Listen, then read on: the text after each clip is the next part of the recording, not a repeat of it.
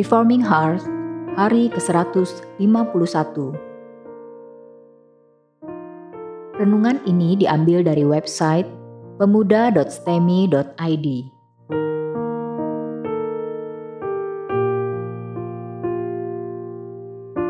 Tema renungan hari ini adalah memulai pembangunan.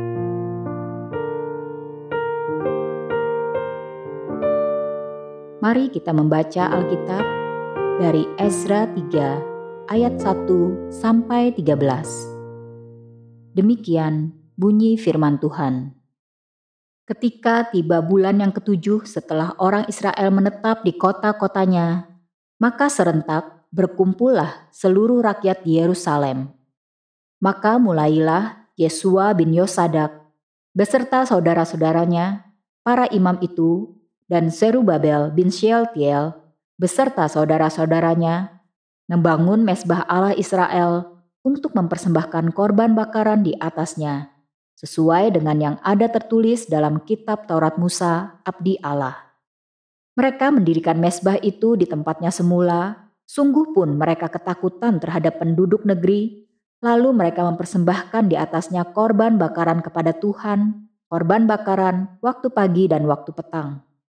Mereka juga mengadakan hari raya pondok daun sesuai dengan yang ada tertulis dan mempersembahkan korban bakaran hari demi hari menurut jumlah yang sesuai dengan peraturan, yakni setiap hari menurut yang ditetapkan untuk hari itu.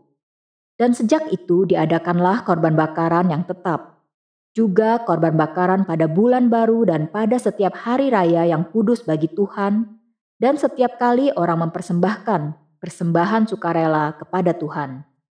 Sejak hari pertama bulan yang ketujuh, mereka mulai mempersembahkan korban bakaran kepada Tuhan, namun dasar bait suci Tuhan belum juga diletakkan. Lalu mereka memberikan uang kepada tukang batu dan tukang kayu, sedang kepada orang Sidon dan Tirus makanan dan minuman dan minyak, supaya orang-orang itu membawa kayu aras dari Libanon sampai ke laut dekat Yafo, seperti yang telah diizinkan kepada mereka oleh Kores, raja negeri Persia. Pada tahun yang kedua sesudah mereka sampai ke rumah Allah di Yerusalem, dalam bulan yang kedua, maka Zerubabel bin Sieltiel dan Yesua bin Yosadak beserta saudara-saudara mereka yang lain, yakni para imam dan orang-orang Lewi, dan semua orang yang pulang ke Yerusalem dari tempat tawanan memulai pekerjaan itu. Mereka menugaskan orang-orang Lewi yang berumur 20 tahun ke atas untuk mengawasi pekerjaan membangun rumah Tuhan. Lalu Yesua serta anak-anak dan saudara-saudaranya dan Katmiel serta anak-anaknya, orang-orang Yehuda bersama-sama bertindak mengawasi orang-orang yang melakukan pekerjaan membangun rumah Allah. Demikian juga Bani Henadat, anak-anak dan saudara-saudara mereka, orang-orang Lewi itu. Pada waktu dasar bait suci Tuhan diletakkan oleh tukang-tukang bangunan, maka tampillah para imam dengan memakai pakaian jabatan dan membawa nafiri, dan orang-orang Lewi, Bani Asaf, dengan membawa ceracap untuk memuji-muji Tuhan menurut petunjuk Daud Raja Israel.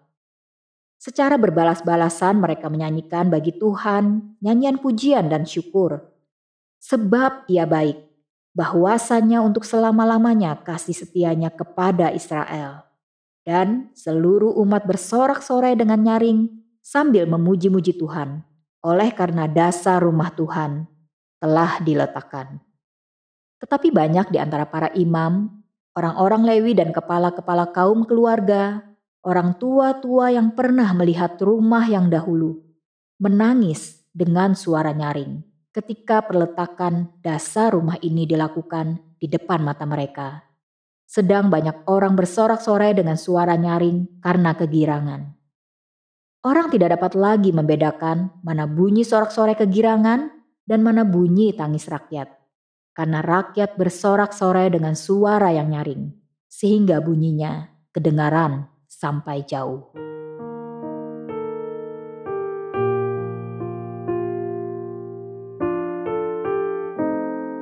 Mari kita merenungkan bagian firman Tuhan ini.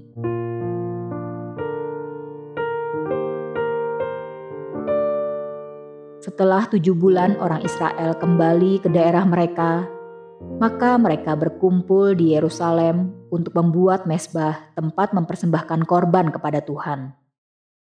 Ini mereka lakukan karena mengingat bahwa kesalahan nenek moyang mereka dahulu adalah karena mendirikan mesbah di tempat-tempat yang mereka senangi, bukan dan bukan di tempat yang telah ditentukan Tuhan, yakni di Yerusalem.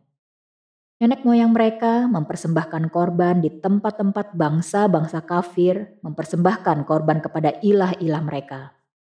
Karena mereka sembarangan di dalam memilih tempat mempersembahkan korban, maka mereka makin terseret untuk dipengaruhi cara bangsa-bangsa lain menyembah ilah mereka. Dan akhirnya mereka sendiri pun jatuh ke dalam penyembahan berhala. Kesalahan inilah yang ingin dihapus oleh orang-orang yang kembali dari pembuangan. Mereka tidak mau mengulangi kesalahan dari nenek moyang mereka. Itulah sebabnya mereka mendirikan mesbah di tempat yang seharusnya dengan dipimpin oleh Imam Yesua dan Zerubabel, anak Sieltiel, keturunan Daud. Pembangunan itu dimulai walaupun mereka belum tahu apa reaksi penduduk sekitar Yerusalem. Di tengah-tengah ketakutan mereka akan reaksi penduduk yang telah mendiami Yerusalem itu, mereka tetap menjalankan perintah Allah. Mereka membangun mesbah, mempersembahkan korban sesuai dengan ketentuan yang ditetapkan Allah, dan mereka juga merayakan Hari Raya Pondok Daun sesuai dengan yang diperintahkan Tuhan. Dua hal ini, mesbah untuk mempersembahkan korban kepada Tuhan dan perayaan Pondok Daun, adalah usaha mereka untuk kembali sebagai umat Tuhan yang taat kepada Tuhan. Merekalah hasil pembersihan yang Tuhan kerjakan dengan membuang mereka ke Babel dan sekarang mereka mempersiapkan kebiasaan yang baru bagi Israel, yaitu kebiasaan menyembah Allah yang sejati dengan cara yang berkenan kepadanya. Dua tahun kemudian, mereka memulai pekerjaan besar yang dipercayakan kepada mereka, yaitu membangun bait Allah.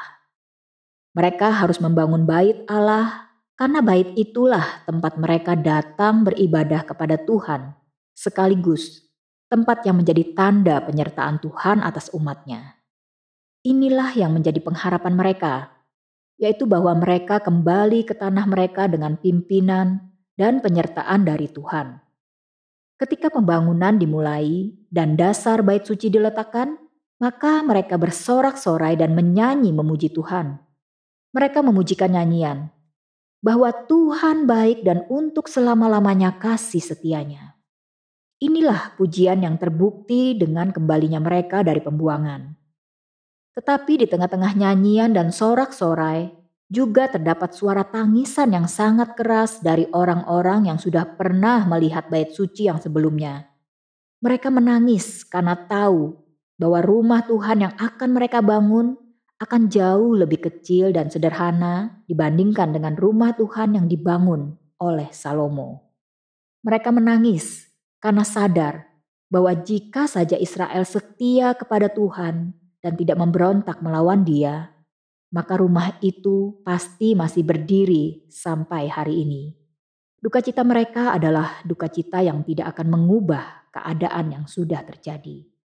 Tuhan mengingat umatnya dan memberikan kepada mereka kesempatan untuk membangun kembali rumah Allah yang Tuhan telah perintahkan untuk dibangun oleh Salomo, anak Daud, tetapi yang telah dihancurkan Nebukadnezar, Raja Babel, sebagai hukuman Tuhan atas bangsanya sendiri yang terus-menerus memberontak melawan dia.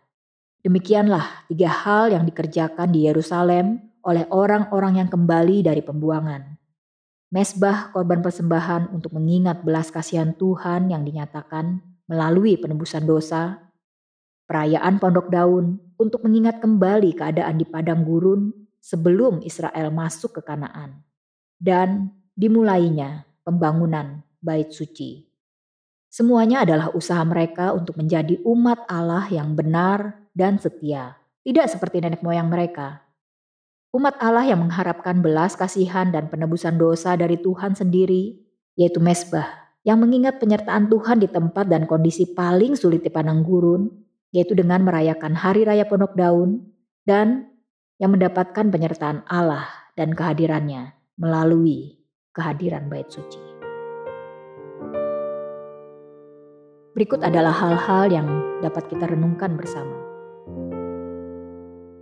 Bacaan kita hari ini memberikan kepada kita pengajaran tentang usaha yang sungguh-sungguh dari umat Tuhan yang baru saja mendapatkan hukuman dari Tuhan. Ini mengajarkan kepada kita tentang aspek pertobatan yang sejati yang perlu ada di dalam diri setiap orang yang telah menjauhi Tuhan dan yang berdosa kepada Dia. Hal pertama yang mereka miliki adalah perasaan tidak layak dan perasaan gentar karena kengerian murka Tuhan telah mereka alami. Pertobatan sejati dimulai dengan perasaan takut akan hukuman Tuhan. Takut kalau Tuhan marah dan memberikan hukuman di dalam murkanya. Mesbah dengan simbol anak lembu emas yang didirikan Yerobeam dan diikuti oleh hampir semua raja Israel yang lain, bahkan yang juga menyebar hingga ke Yehuda. Mesbah yang didirikan seenaknya dan tidak memedulikan firman Tuhan tentang pendiriannya menjadi simbol dosa Israel dan Yehuda yang baru disingkirkan pada zaman Raja Yosia. Ini adalah peringatan bagi kita sekalian. Jika kita ingin sungguh-sungguh kembali kepada Tuhan, biarlah kita ingat hal-hal apa sajakah yang telah kita kerjakan yang sangat menyakiti hati Tuhan. Jika pertobatan kita adalah pertobatan yang tidak jelas, yaitu pertobatan tanpa mengetahui apa hal berdosa yang telah kita lakukan dan harus kita tinggalkan, maka pertobatan itu hanyalah suatu pertobatan yang pura-pura. Demikian juga jika kita tahu perbuatan dosa yang kita lakukan, tetapi kita tidak gentar dan takut akan Allah yang murka, maka pertobatan kita pun akan menjadi pertobatan yang pura-pura. Pertobatan sejati adalah menyadari hal-hal apa yang membuat Allah murka, menjadi gentar dan takut karenanya, dan berbalik dari hal-hal berdosa tersebut. Hal kedua yang diajarkan oleh bacaan kita hari ini adalah bahwa kesadaran akan kasih setia dan kebaikan Tuhan merupakan aspek selanjutnya yang harus ada dalam pertobatan sejati. Jika kita hanya merasa takut dan gentar kepada murka Allah, tetapi kita tidak tahu bahwa Allah juga adalah Allah yang akan reda murkanya dan memberi pengampunan dan belas kasihan, maka kita akan mengalami ketakutan akan Allah tanpa mengalami pertobatan yang sejati. Pertobatan yang sejati menjadi mungkin karena Allah mau mengampuni kita. Permohonan ampun menjadi perbuatan yang pura-pura kalau kita tidak sadar bahwa Allah marah. Untuk apa memohon ampun kalau Dia tidak marah? Tetapi permohonan ampun juga menjadi percuma kalau Allah tidak mau berhenti dari murkanya kepada kita. Itu sebabnya pengertian akan Allah yang rela mengampuni sabar menanti, dan dengan setia menggerakkan kita untuk kembali kepadanya, perlu kita miliki. Sehingga pertobatan kita menjadi suatu pengalaman rohani yang sangat indah. Indah karena murka Tuhan berganti dengan pengampunan, kesabaran, dan kasih setia Tuhan. Biarlah kita semua menyadari hal ini dengan sebaik-baiknya. Kita adalah sekelompok orang yang seharusnya binasa karena murka Tuhan sama seperti orang-orang Yehuda yang binasa di tangan Babel. Tetapi Tuhan mengumpulkan kita kembali, menyatakan kasih setia dan pengampunannya, dan menyadarkan kita sehingga kita sungguh-sungguh berbalik dari dosa untuk kembali kepada Dia. Mari kita berdoa. Ya Tuhan, kami hanyalah orang-orang berdosa yang telah membuat Tuhan sangat marah. Kami menyadari hal ini. Kami tahu kalau kami tidak layak. Dunia sekeliling kami berusaha meyakinkan kami bahwa kami pada dasarnya baik, tetapi kami tahu bahwa baik hati, pikiran, maupun tingkah laku kami sangat cemar, kotor, dan penuh niat yang jahat. Kami bersyukur karena Tuhan mau menerima kami, mengampuni kami, dan membersihkan kami. Berikanlah kami kekuatan untuk sadar akan hal-hal yang harus kami tinggalkan dan dorong kami untuk mengerjakan hal-hal yang harus kami kerjakan sebagai tanda pertobatan sejati kami. Amin.